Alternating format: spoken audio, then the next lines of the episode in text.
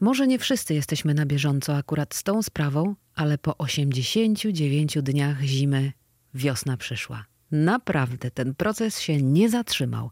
Rośliny nie chcą czekać, aż je będziemy mogli swobodnie podziwiać. Ptaki zabrały się za tworzenie gniazd, doceniając pewnie fakt, że my w swoich gniazdach spędzamy teraz dużo więcej czasu. Stare zwiędło, uschło, zniknęło, a nowe zaczyna rosnąć. Nowe jeszcze nie wie, jak będzie wyglądało i ile się wydarzy, co się jeszcze pojawi, co się jeszcze schowa, co łupnie, co przyniesie spokój, a co ukojenie. Nowe jest jeszcze mało refleksyjne. Bardzo wiosenna cecha. Wiosna przyszła. Nie negocjujemy z wiosną. Korzystamy z tego jej fragmentu, jaki dla nas ma. A ma na przykład niebo, wiosenne niebo. Dlatego bez wyrzutów sumienia, że możemy narazić się na opinię osoby z głową w chmurach, bo i kto ma nas teraz oceniać w czasie kwarantanny. Oto możemy bez przeszkód gapić się w niebo i nawet przegapić jakiś pędzący przez internetowe łącza news. Patrzymy w górę, patrzymy długo, spokojnie, rano albo za dnia, wieczorem, a jeśli chcemy, to i w środku nocy. Patrzymy w niebo i tyle się tam teraz dzieje.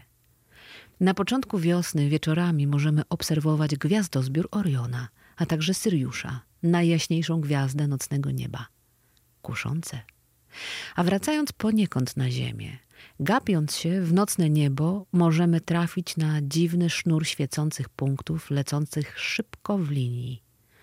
To satelity Starlink od firmy, którą kieruje Elon Musk. Właśnie realizuje plany stworzenia konstelacji tysięcy satelitów umieszczonych na niskiej orbicie okołoziemskiej. Spełniony sen wielu wynalazców, inżynierów, marzycieli. Zatem wiosna przyszła. Pora roku, którą możemy przeznaczyć na snucie pozytywnych wizji, osobistych zwycięstw i najlepiej ogólnoludzkiego zadowolenia. Bądźmy jak Elon Musk, stwórzmy osobisty sznur świecących punktów. Dla wsparcia mocy wyobraźni można sięgnąć po Gwiezdny Pył Gaimana, powieść, która akurat podnosi poziom abstrakcji magicznej, albo po Autostopem przez galaktykę Adamsa, prześmiesznej serii zbliżającej galaktyczne życie, a wywodzącej się, co mi się wydaje, ekstremalnie przyszłościowe ze słuchowiska radiowego nadawanego przez BBC od 1978 roku. Zatem widzę to tak. Wiosna przyszła, My czekamy, aż wirus się wyszaleje.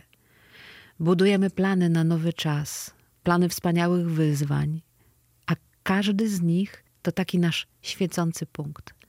Patrzymy w niebo, które przez całe wieki wyglądało tak samo, a teraz jest wzbogacane przez ludzkie technologie. Co za czasy! Wszystko może się zdarzyć.